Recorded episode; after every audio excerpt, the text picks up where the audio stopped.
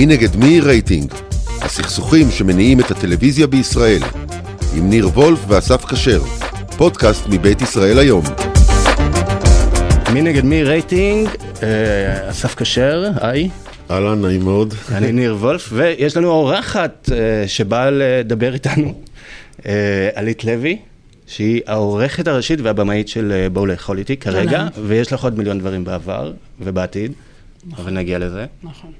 וזה נראה לי טיימינג מעולה לדבר על בואו לאכול איתי, כאילו, בשיא רייטינג, וכאילו, כל שבוע בערך מדברים על מישהו, דמות, או על אירוע שקרה. כיף, זה כן. כיף גדול. איך הגעתם למעמד הזה? קודם כל אני חושבת שהתאגיד הגיע למעמד הזה, עוד לפנינו. אה, וגם אני חושבת שבואו לאכול איתי כבר אה, סוג של מסורת. אה, בטח בשלוש-ארבע שנים האחרונות, אבל כבר... זו תוכנית שהתחילה מאוד בקטן, יצרה קהילת מעריצים קבועה, ואני חושבת שהיא הפכה לאיזושהי תופעה, בין, המון בגלל התאגיד, בגלל התהודה שהתאגיד מייצר לתכנים שלו. וגם האנשים שמתארחים ובאו לאכול איתי עשו עבורנו עבודה נהדרת בלהציג את התוכנית לעולם. אם, אם אני מבין, הרי בהתחלה לפחות זה סוג של תוכנית אה, ריאליטי אוכל לפודיז, קצת ב... כאילו איכותית. ככה זה התחיל. במין גרסה ל... לפורמט בריטי. לפורמט כן. הבריטי. אני צודק? רגע, אני לא יודעת לאן אתה הולך עם זה, אז אני נזהרת, אבל... אה, כמה עונות את בבואו לאכול איתי? אני, זהו, למה, זו העונה עכשיו, זו העונה השביעית. אה, אני העורכת הראשית של שלוש עונות האחרונות, כלומר, מאז שחזרו היחידים. אה, לפניי היו שתי אורחות, התחילה עדי לוי, שבעצם פרמיטה את בואו לאכול איתי. עשתה את העונות הראשונות של היחידים, אני עבדתי אז אצלה בעצם, איתה. אה, אחרי זה באה תמר איכילוב, שעשתה את עונת הזוגות, שזה היה קצת מבנה טיפה שונה. ואני חזרתי לערוך את היחידים. אז אה, שלוש עונות האחרונות אני עורכת ראשית. השאלה היא, זאת אומרת, זו תוכנית אחרת היום ממה שהיא הייתה בעונות הראשונות שלך שמה, שהיו גם יחידים? אני רק רוצה להגיד שקרדיטים ווייז, חשוב, שבעצם מי שנמצא מהיום הראשון של התוכנית עד כנראה הסוף שלה, זו דקלה קידר ושי אביבי. אה, שי הוא מי שמקראין ודקלה מי שכותבת את הטקסטים. אנחנו נגיע אליהם כמובן. ברור, כמובן. ברור, אבל כאילו... כן, הם חשוב. עושים, הם אה, האקס פקטור של התוכנית, אני חושב. אה, זה נכון, זה נכון, למרות שאני גם רוצה להגיד שאני חושבת שבו לאכול איתי מה שהרבה אנשים, וטוב שכך, לא יודעים, שזה באמת אה, מין איזה מארג כזה שכל אחד עושה, עושה חתיכה קטנה, וזה הופך להיות הדבר הזה בסוף. אז אולי תסביר אבל לנו. זה דבר כאילו. תלוי בדבר. אז אולי תסבירי כאילו בקצרה, איך כאילו, מה העבודה על כאילו על כל פרק? כאילו, איך עושים כל פרק, אה, כמה שלבים כאילו יש, או אפילו כל שבוע, זה בעצם מחולק לשבועות, כאילו. אני חושבת שאנשים היום מבינים כמה באו לאכול איתי תוכנית, אה, סליחה על המונח הזה, אבל רזה, היא תוכנית דלה מבחינת התקציבים שלה, מבחינת... אני חושבת שמה שמיוחד בזה שאנחנו בעצם מצלמים כל יום פרק, כל יום בבית של מישהו אחר. אין תוכניות כאלה. שמצלמות כל יום, אנחנו הופכים כל יום בית של מישהו לאולפן. זה באמת ב-12 קורה שעות. כל יום? זאת אומרת, הזמן יום. הוא אמיתי, מה שאנחנו כן, רואים? כן. זו תוכנית שמצטלמת, בואו לאכול איתי, זו תוכנית שמצטלמת משבע הבוקר ועד שתיים בלילה, שלושה צוותים שונים, חמישה ימים בשבוע, ונערכים איזה 25 דקות. כלומר, היחס בין מה שמצולם לבין מה שנערך הוא אה, כל כך מצומצם, נכון? מצומצם? או להפך, כל כך מצומצם, שזה, שזה מה שהופך אותה לקסם בעיניי. כי אנחנו מצלמים אנשים באווירה נורא טבעית וסביבה, וסביבתם הטבעית, ואז קורים שם דברים נהדרים, שמזה שי ודקלה עושים מטעמים. אמ, אני יכולה להגיד שהיא בואו לאכול איתי מתלהקת כמו תוכנית ריאליטי. כמו כל תוכנית ריאליטי, יש אה, מלהקים ויש אודישנים ויש שלבים ואנשים באים. כן, בגלל שאנחנו בתאגיד ואנחנו מצלמים כרגע לפחות תמות גיאוגרפיות, אז אנחנו מביאים מכל הארץ, שזה כבר איזשהו יתרון. כלומר, אה, הכי קל לעשות תוכניות מאזור המרכז, אבל כשאתה יוצא החוצה, שם קורה הקסם באמת, שזה אזור הצפון, אזור הדרום. אה, אף פעם לא צילמנו באילת, אגב. יש תמיד איזה. רצון לצלם באילת. לא בתקופתי כבר, אבל אולי זה עוד יקרה. אה, שבוע ירושלים, שזה תמיד שבוע שהכי קשה ללהק אותו. ירושלמים הכי פחות מתמסרים למצלמה והכי פחות באים לאודישנים. אז יש תהליך ליהוק. יש, אני כל הזמן אומרת שאנחנו מלהקים כמו תוכנית ריאליטי, אנחנו מצלמים בהרבה מובנים כמו, קצת כמו תוכנית דוקו, במובן הזה שההתערבות ההפקתית בתוך הארוחה היא מינימלית עד כמעט לא קיימת. יעידו על כך המשתתפים ש... יעידו על כך המשתתפים, ואנחנו עורכים אותה בהרבה מובנים כמו תוכנית כתובה. היא נערכת מראש כקומית. כאילו אם אתם מסיימים את, ה... את הצילומים, מה השלב מתי מתחילים לכתוב את, ה, את, את ה, מה שדיברנו הרגע, את דקלה ו, ושי? אז כן, צוות עורכי הוידאו, צוות עורכי הוידאו של אה, בואו לאכול איתי, שחלקם אגב אה, עידית וארז ויותם והרבה אנשים, וורד זה אנשים, ואיתי זה אנשים שעורכים את בואו לאכול איתי כבר כמה עונות. אז למעשה גם כשהם כבר עורכים, הם יודעים מראש לחפש את הקטעים הקומיים, או לחפש את הקטעים שאחרי זה אפשר להפוך אותם למשהו קומי. יש איזה, אני לא אכנס לזה כי זה באמת אה, אה, טחינת מים אה, לא, אבל נגיד בזמן. הצילומים, כאילו את כבר רואה בראש איך זה ייערך? כאילו? כן, אוקיי. כן. ודקלה ושי רואים את החומרים באיזה שלב? תסתכל, כשהתחלתי להיות עורכת ראשית בעונה חמש, באחת מהישיבות תסריט נראה לי הראשונות, הם רואים רב קאט, ואז אמרתי, ישבנו אני, דקלה ושי בחדר, ואז ישבנו ואמרתי להם, וזאתי המנצחת של השבוע. ושי ודקלה מסתכלו, לי, לא, אסור. מה עשית? ואז כאילו, שי ודקלה צופים בזה כמו שי ודקלה, כלומר... אה, הם צופים מדברים, בזה- מזה יוצא הם, טקסט? לא, לא, לא, ממש הם לא. אבל הם צופים בזה, הם צופים בזה. כמו, הם לא יודעים כלום, הם לא יודעים מי המנצח, הם לא, לא הם, ההתחלה, אני אתחיל את זה רגע ואני אגיד, שבעצם אה, דקלה מקבלת רב-קאט, שיש בו, יכולים להיות בו סימוני בדיחות, יכולים להיות בו סימוני תוכן, כן יש בו איזה מבנה מסוים. היא עושה את הקסמים המדהימים שהיא עושה, ואז אנחנו יושבים, דקלה, שי אה, אה, ואני בישיבת תסריט, בודקים את הבדיחות, ממש כמו ישיבת כותבים לכל דבר. שי סופר מעורב בתוך הדבר הזה. זאת אומרת, הוא לא רק בא ומקריא את מה שדקלה ממש לא, כותבת. ממש לא, אבל כן אני אגיד לך שהקסם הזה, הקסם הגדול של בואו לאכול איתי, שזה הרגע שאני אולי כנראה הכי אתגעגע אליו, קורה דווקא כששי מקליט, שזה לפעמים שבועיים ושלושה וחודש אחרי ישיבת כתיבה האחרונה, אה, ואז פתאום המילים שדקלה כותבת לקריין שקוראים לו שי אביבי, והוא מקוריין על ידי קריין שקוראים לו שי אביבי, פתאום זה נהיה ביחד הדבר הזה. וזה קורה שם, וזה באמת גם חכם וגם...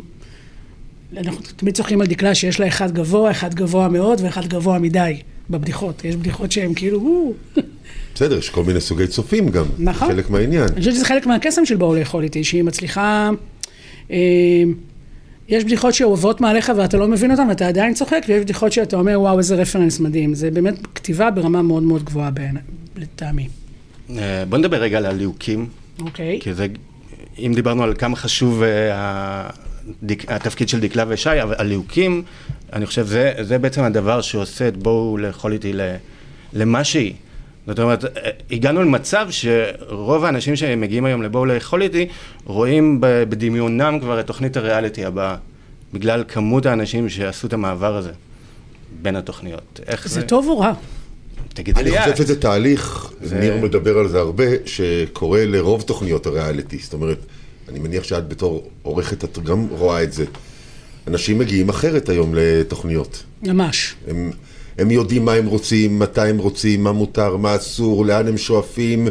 הם, הם אפילו מבינים, אני מניח, את הדינמיקות שאת רוצה לייצר, או את הנושאים. זאת אומרת, אם מביאים מישהו שהוא הם, מאיזשהו מגזר, הם כבר יודעים בדיוק את המלכודות או לא מלכודות ש, שרוצים לעשות להם. זאת אומרת, אני בעצם- אתן, אני אתן לך שתי דוגמאות מהאח הגדול. למשל, יש, את, אה, יש שם דמות אברהם, שהוא אתיופי, ובתחילת העונה הוא אמר, אני לא רוצה להיות האתיופי, על תקן האתיופי, ואז בכל הזדמנות הוא בעצם רוכב על, ה, על הדבר הזה, על המוצא שלו. כל, כל אמירה שהיא טיפה... אה, טיפה מז, מזכירה גזענות, או אפילו לא ממש מזכירה, הוא ישר מושך את זה לשם, ואותו דבר, הדמות שהולכת לנצח את העונה, סתיו, שהיא הגיעה בידיעה שכמה שהיא תטריל וכמה שהיא תייצר יותר אה, בלאגן בבית, היא, היא תקבל יותר זמן מסך ויותר אהבה אצל הקהל, וזה מה שהיא, ככה היא מתנהגת מול המצלמות.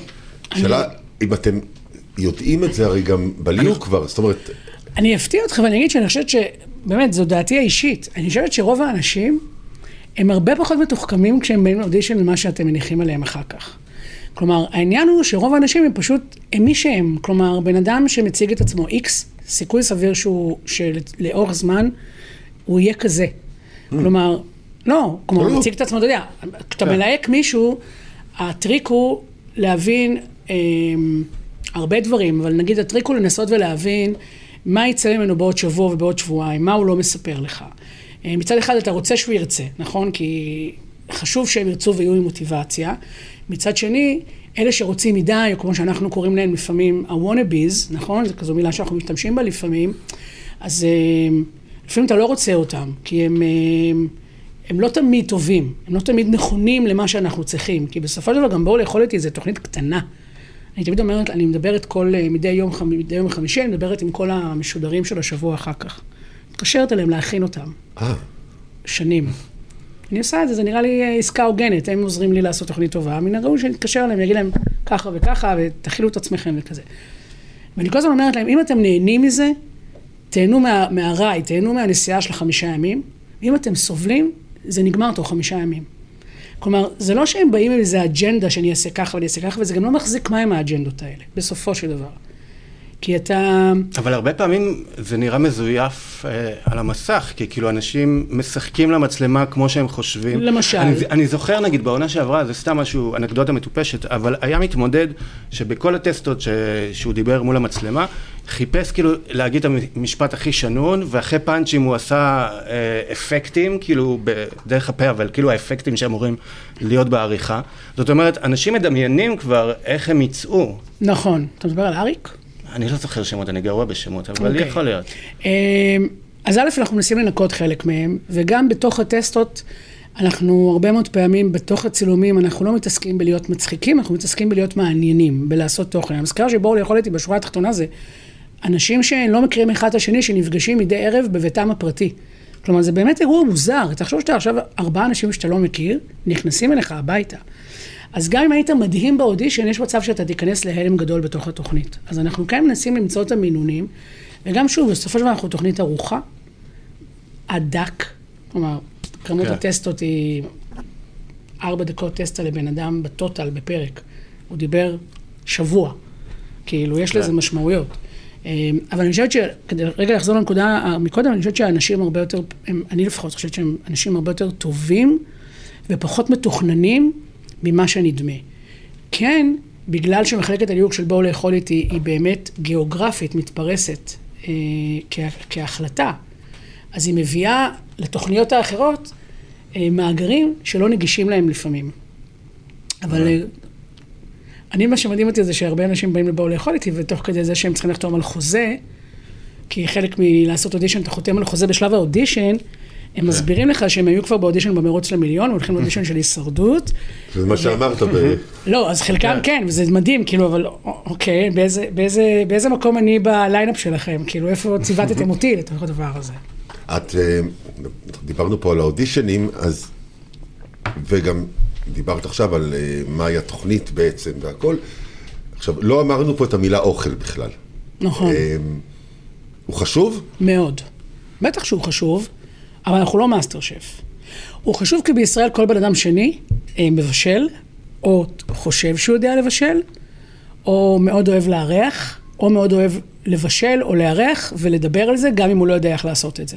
אוכל זה מנוע בחברה הישראלית לכל דבר. אבל מעבר למנוע, זאת אומרת, אכפת לך בתור עורכת, אה, אני שואל, כאילו, האם אכפת לך בתור עורכת, אה, ש... יהיה אוכל טוב, שמי שינצח באמת בישל הכי טוב. נניח, אני, זאת אומרת, אני שואל באמת אם זה חשוב לכם. אני, או, אני או, לא... או, או, או שזה רק מנוע, שזה בסדר גמור. לא, יש איזה משהו שמאוד uh, שמתי לב אליו. הסצנות, כאילו, שבהם רואים, הרגעים שרואים uh, אוכל בצורה סקסית או מגרה, ובואו לאכול איתי, זה רק בפתיח. שזה שרימפס? שזה אוכל אה, בהילוך איטי, יכול להיות... אהבתי. אוכל בהילוך איטי, הרוטב זולג.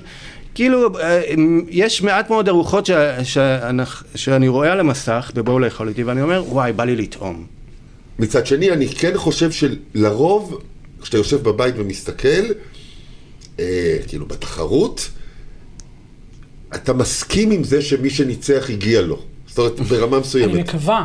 אני, ככה אני לפחות חושב. אבל זה אותו דבר במאסטר שף, אתה לא באמת יודע איזה מנה היא הכי טעימה, אבל אתה מסתמך על מה שהשופטים אומרים, ועל התגובות שלהם. כאילו אתה רואה איך הוא מדבר, איך הוא עושה את ה... זאת מי שמבין או לא מבין, לא חשוב, מסתכל, רואים זה רגע השיא של האנשים, זה הבישול שלהם בבוקר, כאילו הם עושים לעצמם מאסטר שף. איזה סוג מטבח יש, איזה סוג, איך זה, איך הוא... נכון. אתה יודע שאני הבחנתי שאצלנו בקורונות. אז בקורונה הראשונה, כל העונה, לכולם היה, כולם, לכל בית שהגעת לסיור לוקיישן, הייתה טלוויזיה 70 אינץ' בסלון. שזה ממש הייתה בעיה איך להתמודד פתאום עם אה, קיר בסלון, שבאמצע יש 70 אינץ' שחורים שאין מה לעשות איתם.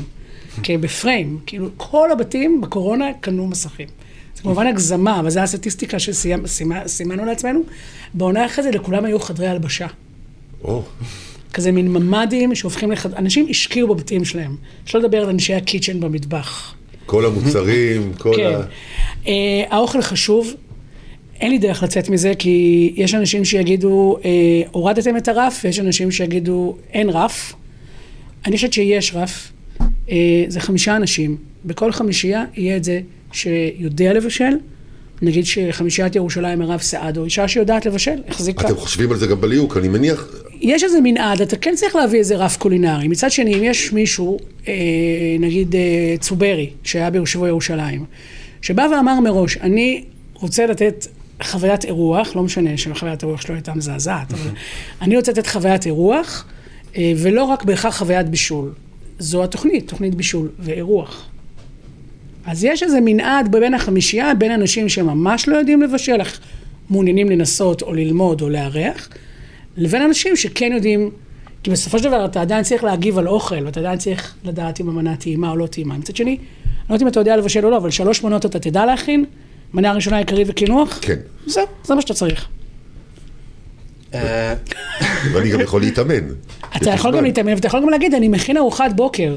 אני עושה קונספט של ארוחת בוקר, משקיע את החיים שלי בארוחת הבוקר, ועושה בידור נורא נורא מגניב. אז, אז אין לך מקום בתוכנית? לא מאסטר שף אחרי הכל. אה, כן. אמ, אבל אגב, סליחה שאני אבל ת, אנשים ממש ממש ממש תחרותיים שם דווקא.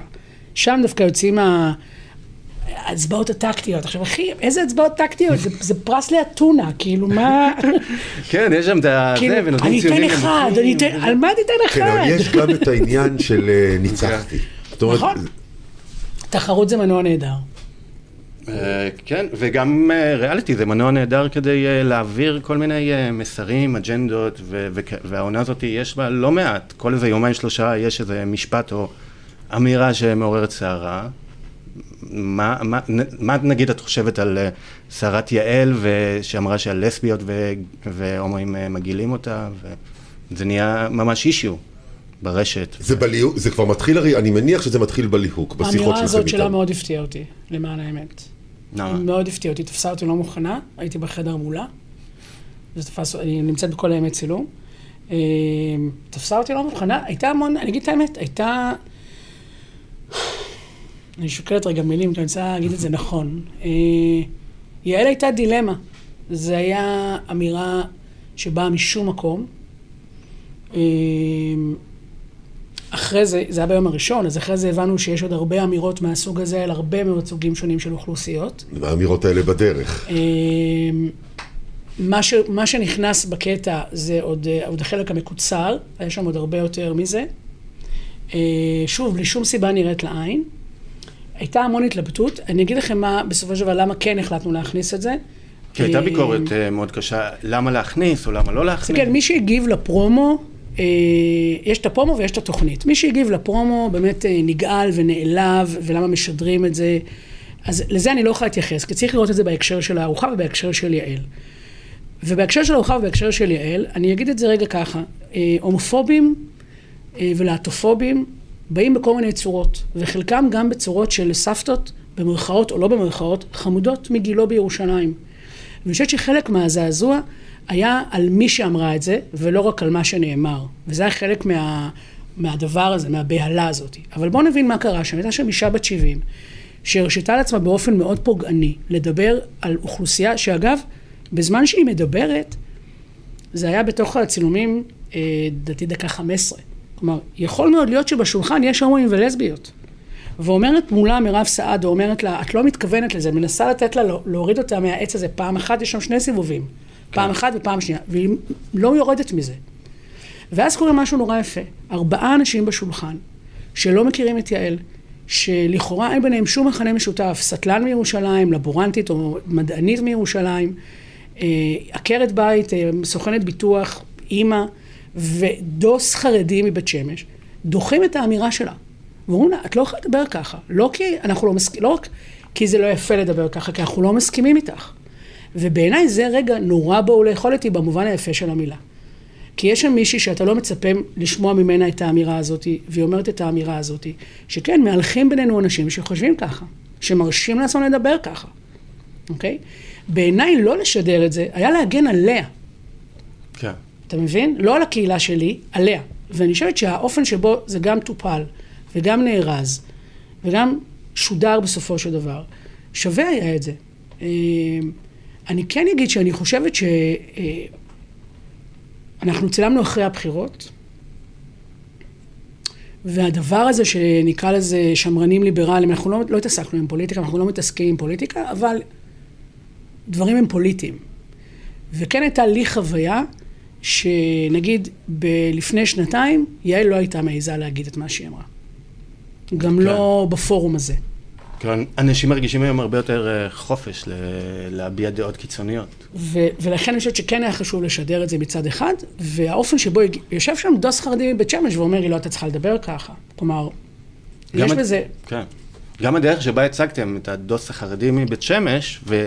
ו- דובי, כן. הדוס, האיש הדתי, סליחה. אה, זהו, לגמרי, כי טלוויזיה זה הכל מגדרים ו- וכאלה. לא, זה לא, הוא באמת בן אדם, לפני שהוא כל דבר אחר. אבל זה בדיוק גם היה הסיפור שלו, זאת אומרת, החבורה התייחסה אליו אה, בצורה מאוד ממשטרת, מאוד אה, מכלילה, לפחות אה, בחלקים מסוימים מהמפגש בדקות הראשונות, וגם אפילו כשהוא אירח. ואמרו לו, אסור לך לחלום, למה אתה חולם על זו, דברים. זו אותה יעל, כן? זו אותה יעל. זו אותה... שהיא נגד כולם, נגד סטלנים, נגד הומואים, נגד חרדים שמעזים לצאת מה, מה, מהקונספט שהיא חושבת שהם חרדים.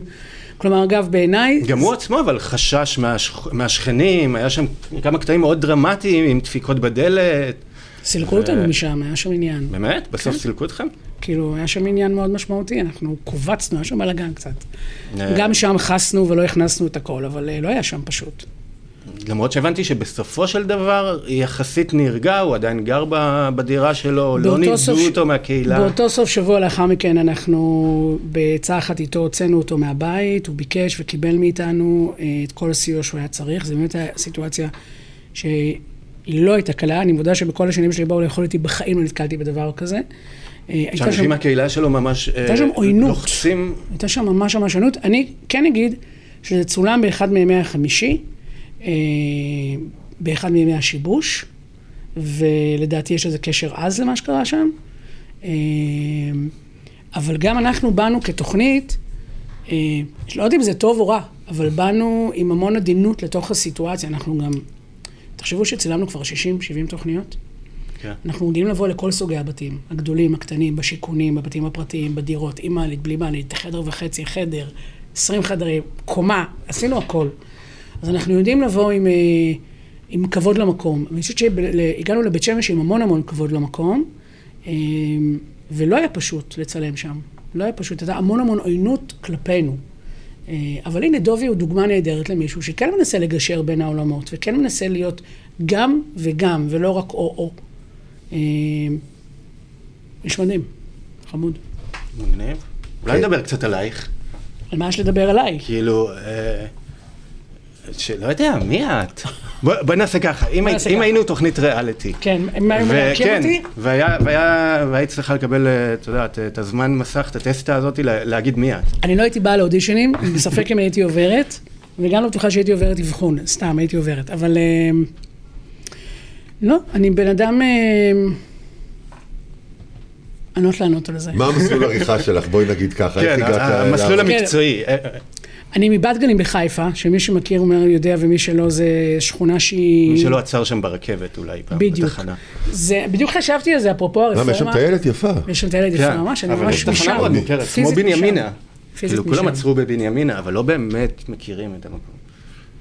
אני אגיד לך משהו רגע, באפס ציניות, אני בן אדם שבורח בלעבוד בת, ב- בתחביב שלו. כלומר, זה דבר, ולא הרבה אנשים יש להם את הזכות הזאת, אז אני ממש באיזה, תמיד באיזה הכרת תודה על הדבר הזה. אה, היה לי מסלול כזה של אה, ילדי תוכן. אה, התחלתי ברשת שוקן, בעיתון נוער שהקמנו עם, יחד עם ניסן שור וליאור קודנר ובועז ארד. באמת, אנשים כאלה של פעם. בקולבו בחיפה, ילדי המקומנים בשנות התשעים, הקמנו עיתון נוער כזה.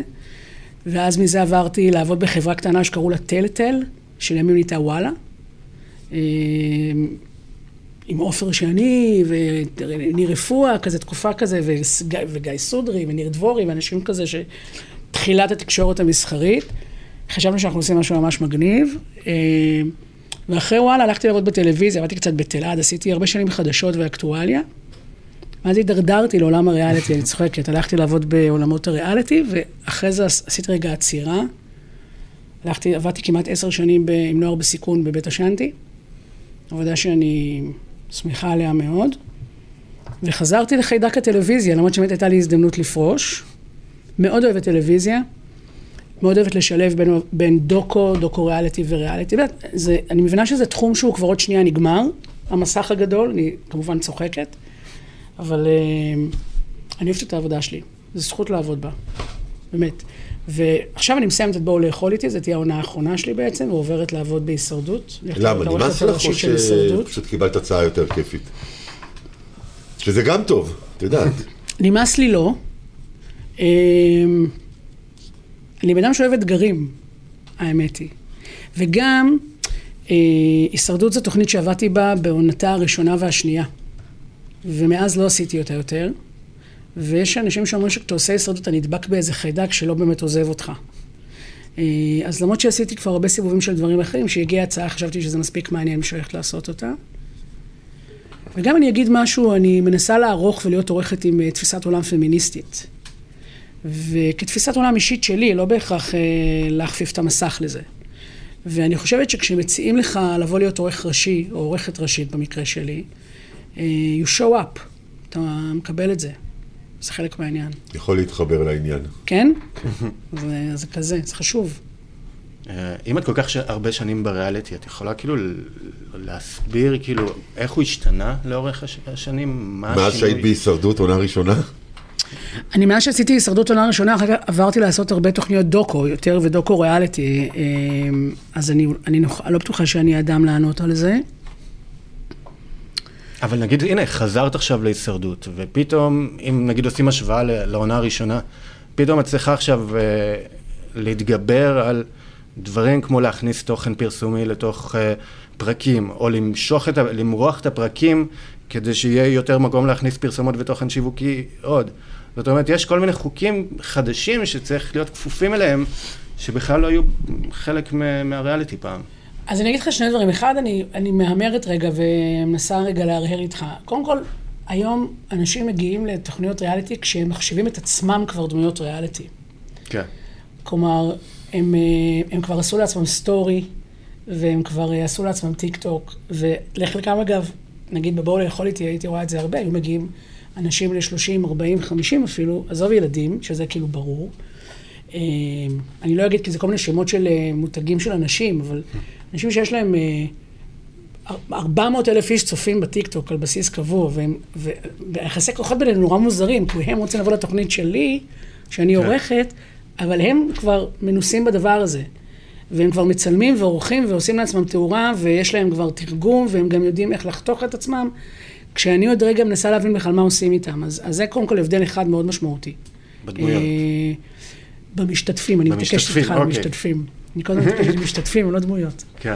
אה, לא, בעיניי דמויות ברגע שכאילו התוכנית כבר מוכנה. נכון, אבל הם עדיין כן. משתתפים בתוכנית טלוויזיה. אה, אז יש משהו בזה שמראש בן אדם מגיע עם איזו תפיסה.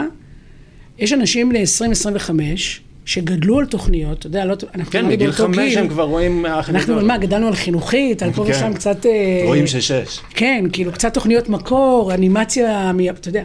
הם כאילו גדלו על האח, גדלו על הישרדות, גדלו על TLV1, גדלו על כאלה תוכניות. וואי, ב-TLV1 הופעתי בעונה הראשונה, בשנייה... אני עשיתי את העונה הראשונה.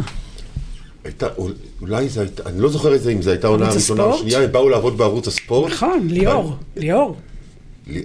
בחורה, בלונדה, אה, היה לה משהו עם יורם ארבל, לדעתי, עשינו לה איזה סצנה עם יורם ארבל. לשלוח אותה דרך כל מיני מקומות ולחזור חזרה, והייתה צריכה להביא לי איזה קלטת מאיפשהו, כאילו. יכול להיות, כן. אה, היה מצחיק מאוד. לקחו אותי למימד שמה, אה, נכון. איתן וזה, ואבו תמירי לחתום שם על איזה, משהו. בבקשה. יעל אה, ערכה שם, נכון? יאלי אבנרי. כן. כן. גם הייתה בהישרדות בעונות הראשונות. כן. לגמרי. אוקיי. זה היה אה, סתם... אה, זה היה אנקדוטה של. זריקת שמות. name dropping כן. וכאלה. לגמרי. אה, אז אה, איפה היינו? איבדנו TLV. את עצמנו, כן. ב-TLV. אבל הנה, על יש לי... הריאליטי שהשתנה, הוא השתנה, כן. הוא השתנה. ועוד משהו, הקהל גם מבין היום הרבה יותר מה הוא רואה. ו- ואני חושב המשפט הכי שכיח אה, בקרב אה, קהל שצופה בתוכניות ריאליטי, זה התערבות ההפקה. זאת אומרת, עד כמה ההפקה באמת מעורבת בעלילה, אה, עד כמה... אתערב, הבת שלי רואה נניח רוקדים עם כוכבים, או זה, אז... או, הם, הם רוצים שקים אורט הזה, הם רוצים שזה... זאת אומרת, כבר הילדים כבר מסתכלים על זה, והמונח ההפקה כבר קיים אצלם כאילו... מטילים כבר ספק. שזה לא דבר רע, אגב, כן, הטלת ספק. אני, אני בטור שכתבתי היום על האח הגדול, ציינתי עובדה ש, שכנראה הקהל אה, נקם בהפקה על, ברגע שהוא הדיח מתמודדת מאוד מאוד בכירה, שההפקה לכאורה קידמה אותה. אתה חושב שזה כזה מאורגן ו... ב- כן? במקרה הזה כן, כי כן. היה ראש בראש, ו- והיה ברור שמתארגנת פה אני לא הצבעה בטוח שהוא המונית. מאורגן כמו שאני כן, חושב, יש- אבל אני חושב קצת, שזה... קצת מאורגן. לא מאורגן, אבל מתארגן. זאת אומרת, הסיטואציה, המציאות יוצרת את הסיטואציה הזאת של ה... אבל עד כמה את, נגיד בואו לאכול איתי, אמרת, זה דוקו שאתם כמעט פחות מתערבים. אבל עד כמה תוכניות ריאליטי אחרות, ההפקה היא כאילו שולטת בכל העלילה. א', אני, באמת לא יודעת לענות על אה, הפקות אחרות, כי אני לא עבדתי בהפקות אחרות. אני יכולה להגיד לך כמה דברים. אחד, אה, אפרופו רגע על ריאליטי, אני חושבת שפעם ריאליטי היה משהו שאנשים... הוא היה ז'אנר, כשהוא, כשהוא התחיל, אני חושבת שהיום הריאליטי זה פלטפורמה לכל דבר, ופלטפורמה לספר סיפור, ולא משנה אם זה סיפור על אה, זוגות, או על רווקויות, או על משפחות, או על אנשים שלא נפגשים ובאים לאכול, או על אנשים שהולכים לאי, או אנשים שטסים ל-31 מדינות בארבעה ימים. כלומר, היום הריאליטי הוא פלטפורמה לכל דבר, והוא אגב פלטפורמת פריים מדהימה, כי זה תוכן של 65-75 דקות פרק. כלומר, זה מלא תוכן, ויש הרבה סיפורים שאפשר לספר. אז אני, אני מראש מנקה את ההתנשאות על ריאליטי, אתה מבין? ברור. אני באה בלי התנשאות לדבר הזה. זה אחד. שתיים, אני חושבת שיש הרבה יותר אנשים שצופים בכל מיני סוגים של ריאליטי, בכל מיני ערוצים, החל מערוצי הפריים, דרך ערוצי אה, נטפליקס וערוצים כאילו בינלאומיים, שגם להם יש מלא תוכניות ריאליטי, מה... נקרא לזה מטונפות ביותר, צהובות ביותר, ועד הבאמת מעניינות. ו... ופותחות את הראש, ודברים שאתה אומר, וואו, איזה מגניב, אבל אי אפשר לעשות את זה בארץ, או כזה, כי יש באמת מלא מכל דבר. אז ריאליטי כז'אנר התבסס, הוא ברור, הוא מובהק, יש לו הרבה סוגים, והוא לא, אפשר, הוא חף, כאילו אפשר לוותר על הציניות לגביו, זה דבר אחד. לגבי התערבות הפקתית, השאלה היא מהי הנחת המוצא של התערבות הפקתית. אני עד היום, עוד לפני שאנשים יודעים שחזרתי לעשות הישרדות, אבל כשסיפרתי, הייתי מספרת פעם שעבדתי בהישרדות, אז היו מדברים איתי, הוא באמת היה לבד באי? לא, הוא לא, הוא לעולם לא יהיה לבד באי, הוא תמיד יהיה או עם מישהו או עם משהו, בסדר? כן. אז אני חושבת שדווקא אני רוצה להציע הסתכלות אחרת. יש הרבה יותר סלחנות, או יש הרבה יותר הבנה שיש דבר כזה שקוראים לו הפקה. ואתה גם קצת מצפה לראות את ההפקה, אתה מצפה לראות את הנאות הפקה הזאת, אבל כן יש איזו ציפייה מהקהל שתהיה יותר מתוחכם. כן. כלומר, אני יודעת שאתה שם כצופה, אני יודעת שאתה שם, אני רואה לפעמים, אני יודעת שהצוות נמצא שם, תעבדו יותר קשה כדי לעזור לי להאמין לסיפור. כן, שאני נגיד- לא אראה את התפירות. בדיוק. לא, לא, נגיד בהישרדות חושבת הרבה פעמים... שכצופה, אפילו לא צופה מתוחכם, אבל אפילו כצופה, אתה כבר יודע לראות את הת- את התפירות הגסות, ואתה לא, אתה כבר לא סלחן אליהם. אני אחזור איתך רגע אני לעונה. הראשונה אני לדעתי של? הישרדות. כן, כן, אני גם חושב, ברגע ש... אוקיי. שמייצרים נגיד הישרדות, אתה יודע, פתאום יש איזו משימת חסינות שנועדה להציל מישהו, כי, כי עובדת על היכולות החזקות של הבן אדם הזה ספציפית, אז הקהל מבין את זה. או אם גם- פתאום מחליפים שבטים דווקא באיזה רגע שמישהו... דן מנו בעונה הראשונה שעבר שבט. אה, כן, וזה קורה עד, גם בעונה האחרונה זה עכשיו קורה. שוב, בזמן אמת היו אנשים שאמרו, וואי, רגע, רגע, רגע, זה נראה לא טוב, זה, זה, לא, זה לא אמיתי. אמ, השאלה בכלל אם, אבל אני בכלל לא בטוח שזה לא בסדר. שעושים- זה לא. בסדר כשרואים, אני- כשמגלים את זה, שהקהל- אני חושבת שזה העניין, אני חושבת שאתה אתה מוכ, אתה מוכן לקבל מעורבות הפקתית בתוך, בשלבי הסיפור, או ב framing של הסיפור, או בבנייה שלו, אבל אתה רוצה שזה יהיה fine. זה אגב, בדומה נגיד שאתה כותב טור. זה לא אותו דבר, אבל זה נגיד מטאפורה דומה לזו, שאתה כותב טור. אני, אין לי בעיה שתגיד את, את האג'נדה שלך, שאתה כת, כתבת את האג'נדה שלך עוד מראש לפני שכתבת את הטור, אתה יודע עם מה אתה בא, אבל תנמק לי את זה מספיק טוב שאני אלך איתך את הדרך. זה אותו דבר. כלומר, כן. זו גם נגיד אחת הסיבות שאני חושבת שאנשים אוהבים לראות חתונמי, אבל זה גם אחת הסיבות שאנשים אוהבים לראות הישרדות. כלומר, זה חלק מה, מה, מתהליך הצפייה. אני כן אגיד משהו שלי נגיד הייתה חוויה מאוד מאוד מאוד שונה. אה, גם זה הבדל בין לעשות אה, תוכניות דוקומנטריות לבין, אה, לבואו לאכול איתי יש קבוצת פייסבוק, של מאוד 36 פעילה, איש. מאוד פעילה. כשאני התח- אנחנו התחלנו, לה- כשאני התח- ב- בתחילת העונה הראשונה שערכתי, היו בה 4,000 איש, והיה לי את היוזרניים. עכשיו היא משוגעת של 36, ואני כבר לא קשורה אליה, כלומר, יש, התאגיד מנהל אותה כמובן. שאפילו המתמודדים כאילו מגיבים ב- בזמן אמת כאילו לכל הפוסטים שם. זו זה חו... זה, אתה יודע, אנחנו עושים עכשיו הקרנות של בואו לאכול איתי בסינמטקים ברחבי ישראל. אני נוסעת ביום שישי להקרנה בראש פינה. איפה? הייתה הקרנה? בתל אביב. כרטיסים איפה? בתאגיד, והייתה הקרנה בחולון, והייתה הקרנה בירושלים, וזה חוויה משוגעת. אבל נגיד, אפרופו ריאליטי, אנשים גם מבינים שהם יכולים לפרוק את דעתם, או את זעמם, או את רצונם לדעת עוד, בקבוצות הסושיאל הרלוונטיות. וזה גם עוד נדבך שאנחנו, כעורכי תוכן, אני בשנים האחרונות לומדת להתייחס לדיגיטל, זה, זה אלמנט מאוד מאוד משמעותי, אבל גם זה לא היה פעם. כן, זה בעצם, את יודעת, קצת מקביל, נגיד אם אני משווה סטנדאפיסטים או שחקנים על במה, התגובות כאילו הן מיידיות, מיידיות. מחיאות כפיים, ואותו דבר כאילו בקבוצה כזאת. מיידיות. את יכולה לסיים את השידור של הפרק, ואז להיכנס לראות כאילו מיידיות. עד כמה המסרים שלך עברו וכאלה. אז אה, מאיה דגן. כן. אוקיי? שזה גם כן סיטואציה שהתרחשה בעצם ברשתות מיד אחרי השידורים של, ה... של הפרקים. אה, היא אגב התראיינה פה, היא אמרה שהיה לה קשה מאוד במיונים. זה מה שהיא אמרה? כן. אבל מאיה דגן היא דוגמה... מאוד הקשו עליה במיונים. מאיה דגן היא דוגמה מעניינת, כי, כי בעצם הריאליטי מחולק לריאליטי VIP וריאליטי אלמונים. זאת אומרת, זה, זה מה שקורה בשנים האחרונות. ו, ופה היה, הכניסו את מאיה דגן, שהיא כאילו סלב מאוד גדול, לתוך ריאליטי שהקסם שלו זה האלמוניות של הדמויות, של המשתתפים. אה, וזה קצת שיבש את התוכנית, לפ- לפחות מבחינת הרבה אנשים. שצפו גם אני והתעצבנו חיבבתי באינטרנט. אותה, אני עדיין מחבבת אותה. אה, מאיה דגן, קודם כל אני רוצה להגיד שעולה עליה שהיא הסכימה לבוא, ועולה עליה שהיא אה, זרמה איתנו, ועשינו לה באמת חיים מאוד מאוד קשים.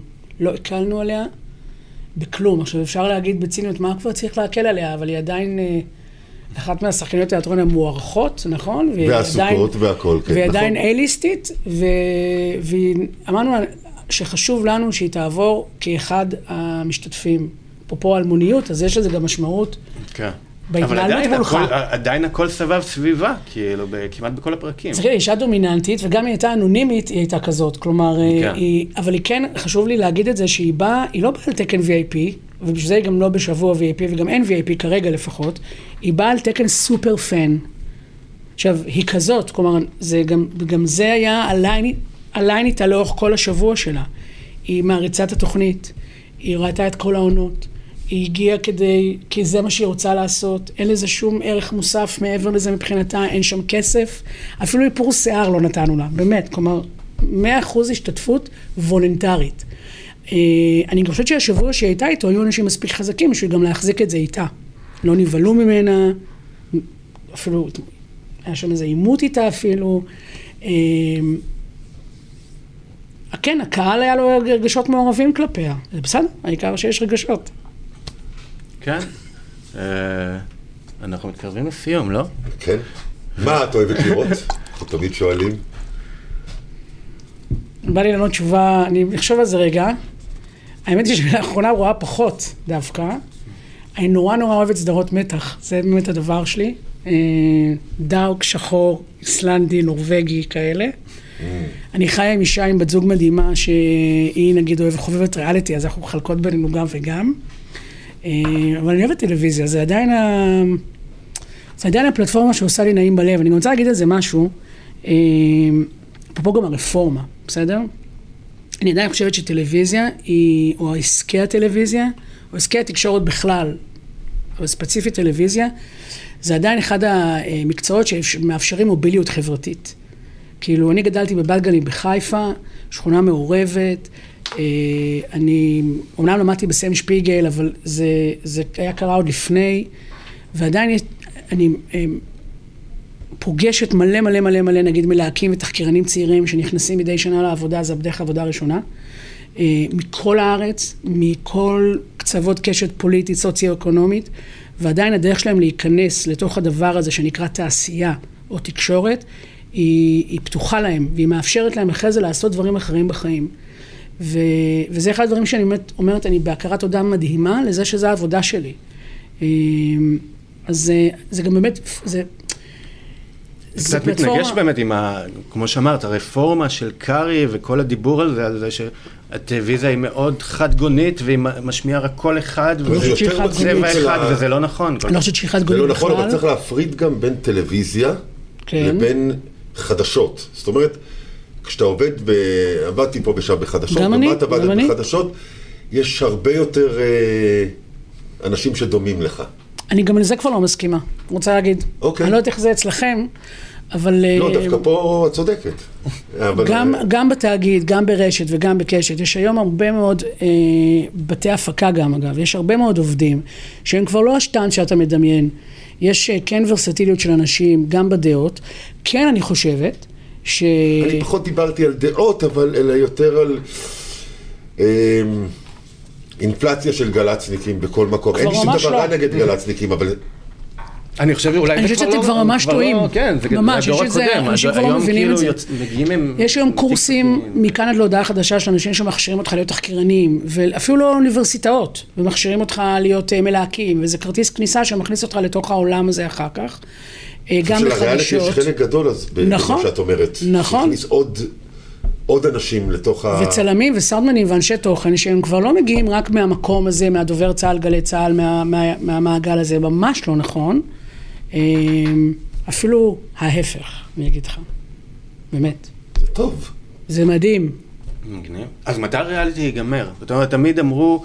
לא, זה עניין חולף. למה אתה רוצה שהוא ייגמר? אני לא רוצה, 아, אה, אבל אני פשוט זוכר שלפני 10-15 שנה אמרו, אוקיי, יש איזה טרנד כזה של ריאליטי, מתישהו זה יחלוף, וכמו שהיה טרנד שעשועונים, וכמו שהיה טרנד תוכניות אירוח, וגם הריאליטי... א', אני מתגעגע קצת לתוכניות אירוח, נגיד לאיזה late night כזה מגניב. לגמרי. נכון? אבל השאלה אם הריאליטי יכול מתישהו להיעלם, או להיות איזה משהו איזוטרי קטן בטלוויזיה, כמו נגיד שעשועונים היום, או שהוא כאילו הוא פה בשביל להישאר לנצח. קודם כל, אני לא בטוחה שאני רוצה לקחת על עצמי את כל אה, הקרדיט על תעשיית הריאליטי על עצמי. כלומר, לא, אני צוחקת, אני כאילו אומרת, אני לא חושבת שזה... מה נראה לי, נראה לך? אני חושב שהחיבור הזה בין דוקו לריאליטי, זה... זאת אומרת... אתה יכול למחוק את המשפט הזה שאמרתי עליו. איפשהו על התפר של הדוקו ריאליטי, אה, או למה שמחליטים לקרוא דוקו ולא בטוח שזה דוקו, שם נמצא, שם נמצאת התשובה. תסתכל, הדבר הזה שנקרא טלוויזיה הוא מרתק בעיניי, כי מה זה טלוויזיה? זה המסך הגדול, זה המסך הקטן, זה תכנים של 25 דקות, זה תכנים של דקה וחצי. מה שנגיד הדיגיטל של התאגיד עושה זה... זה טלוויזיה נראה לי שמה שניר התכוון אליו זה לאו דווקא המסך הפיזי שאת משתמשת בו, אלא על הרעיון כן, של טלוויזיה כמדורת שבט. כן, בדיוק. סוג של מדורת שבט. אני חושבת שהיא struggling, אבל עוד יש מה לעשות. כלומר, זה, עוד יש שם, עוד יש שם, אה, זה עוד לא, עוד לא נעלם. עוד יש שם אה, הרבה דברים להציע, הרבה תכנים להציע. זה עדיין גם אנשים בגילנו רואים טלוויזיה, וגם אנשים צעירים איתנו רואים טלוויזיה, גם אם הם רואים את זה בשכיבה. לא, אני נורא אוהב שאומרים, הצעירים לא רואים, רואים, וזה, לא, רואים. נניח, עזבי, צעירים, עכשיו... אנשים שהכי שמחו שאני עושה הישרדות, רוב העולם זה לא צעירים, אנחנו לא מתים עדיין. האנשים הראשונים ששמחו שאני עושה הישרדות היו האחיינים שלי, שהם אה, בטווחים צעירים, שאמרו, וואו, כאילו, הם ידעו מה זה, ורואים, פשוט בדרכים אחרות. הנה הבת שלי, בת 11, רואה רוקדים, רואה... נכון. רגע, אגב, ד, ד, לפני סיום, שאלה אחרונה על הישרדות, כאילו, באיזה שלב אתם של העבודה לעונה, וכאילו, מה החזון שלך, כאילו, שיצא בסוף מהעונה? תצטרך לארח אותי שוב בשביל לדבר על זה. כן, אה, אני ממש בשלבי ההתחלה. זה אמור להיות אה, הישרדות זוגות, נכון? זה כאילו... אני לא עונה לך על זה כרגע. אוקיי, אבל זה כל הפרומואים, כאילו אומרים, אם אתם זוגות, בואו אלינו לאודישנים. הבנתי.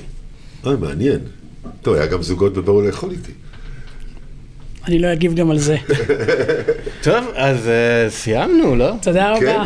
תודה רבה. תודה לך, היה תענוג גדול מאוד. תודה רבה. נשאר עוד שבועיים. אפשר עוד שבועיים? כן. יש משהו מעניין אה, מאוד אה, לחכות אני חושבת? שהשבוע האחרון שהוא שבוע תל אביב, הוא הוא grand finale משוגע לעונה הזאת. כמה נכנס לתל אביב, מה שקורה בחוץ בתל אביב בימים האלה? נכנס? אמ, בכתיבות זה נכנס. בכתיבות הרגישו. את זה, כן. כן, בוא נראה. לגמרי. טוב, תודה רבה. תודה רבה. אה, זה הסוף. זהו, זה הפרק אה, נוסף של אה, מי נגד מי רייטינג. תודה ניר, תודה אסף. ויאללה ביי. ביי. מי נגד מי רייטינג. הסכסוכים שמניעים את הטלוויזיה בישראל. עם ניר וולף ואסף כשר. פודקאסט מבית ישראל היום.